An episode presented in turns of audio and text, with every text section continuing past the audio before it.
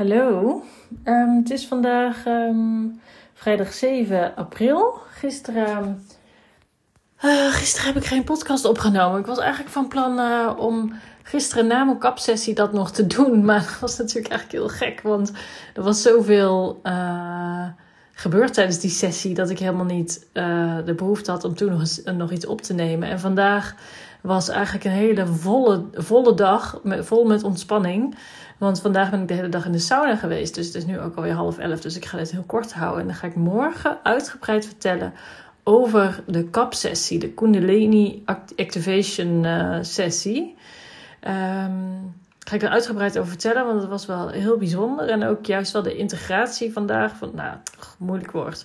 Van, om vandaag zeg maar heel erg rustig in de sauna te zijn. En alles nog eventjes te laten indalen, zeg maar. Dat bedoel ik met integratie. Maar uh, laten we even uh, normaal houden in praat.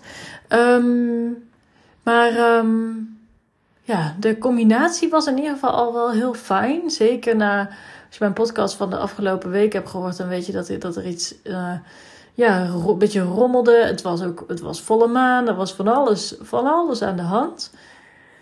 En um, dat is ook nog niet klaar, merk ik wel. Maar ja, er is dus van alles wel weer um, helderder geworden ook. Een van de dingen die me wel weer helder, helder is geworden, is dat ik echt beter voor mezelf moet zorgen. Dus vandaar dat ik dit dus ook echt nu heel kort hou en ga slapen, want ik ben helemaal kapot.